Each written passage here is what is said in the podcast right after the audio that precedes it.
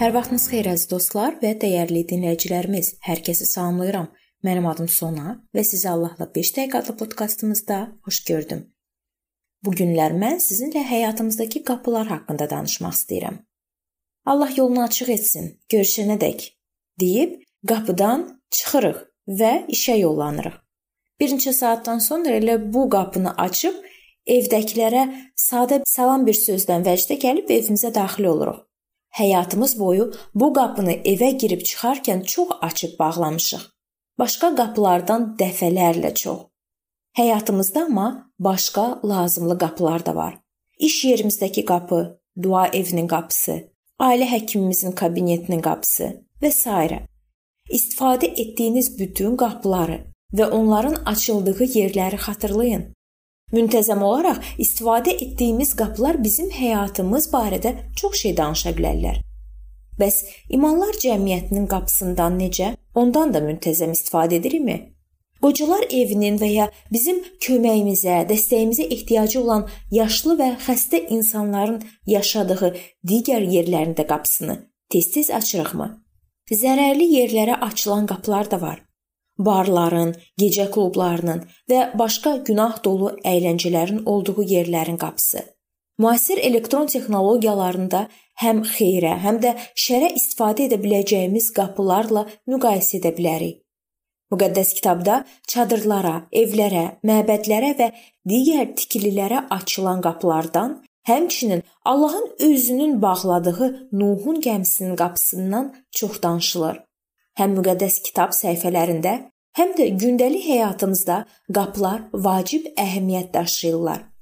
Lakin müqəddəs yazıda mənəvi mənada qapılardan da çox danışılır. Bu obrazlar üzərində düşünərək böyük fayda və ilham ala bilərik. Var olan ən vacib qapı yalnız İsa Məsihlə şəxsi münasibətlər vasitəsilə bizə açıla bilən Allaha olan qapıdır. Bu barədə Yəhya 10-cu fəsil 1-ci ayədən 9-cu ayəyə qədər olduqca inandırıcı şəkildə təsvir edilib. İsa Məsih quzulara açılan qapıdır. Allaha başqa yolla, ənənə, ayin, rəvayət, düzgün ilahiyyat və ya dini hisslərlə gəlməyə çalışmaq oğru olmaq deməkdir. Biz Allahın səsini eşitməli, saysız çətinliklərdən və daim qarşılaşdığımız seçim etmək zərurətindən keçərək onun arxasınca getməliyik yad səsdən qaçmaq, şeytanın tələsindən, onun cin ordusunun əlindən qaçmaq deməkdir.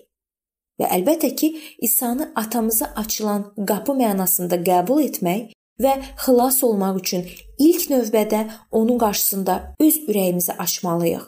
Bax, qapının önündə durub onu döyürəm. Kim səsimi eşidib qapını açsa, onun yanına gələcəyəm və mən onunla, o da mənimlə birgə şam edəcəyik. Vəhi 3:20. Bunu etməklə biz bu qapıdan girib çıxıb onunla şam edə bilərik.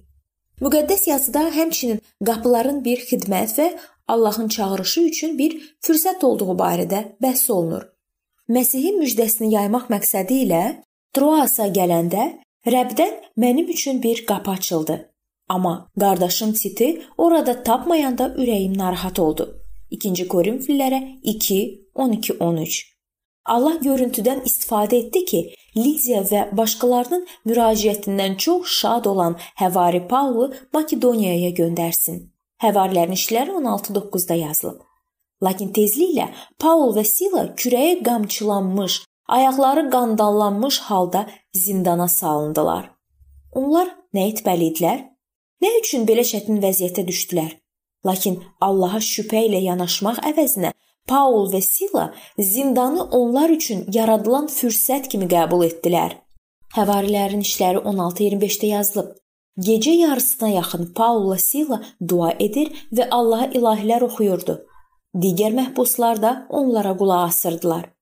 Rəbb isə həmin gecə zindanın qapılarını onların üzünə açdı.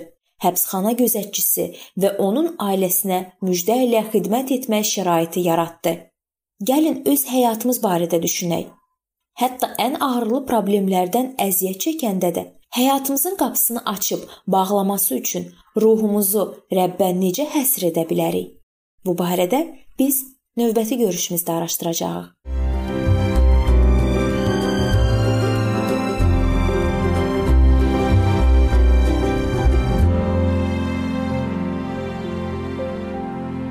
Beləliklə bu yerdə bu mövzu sona çatdı.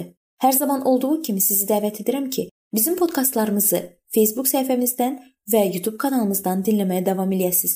İndi isə mən sizinlə sağollaşıram və növbəti görüşlərdə görmək ümidi ilə sağ olun, salamat qalın.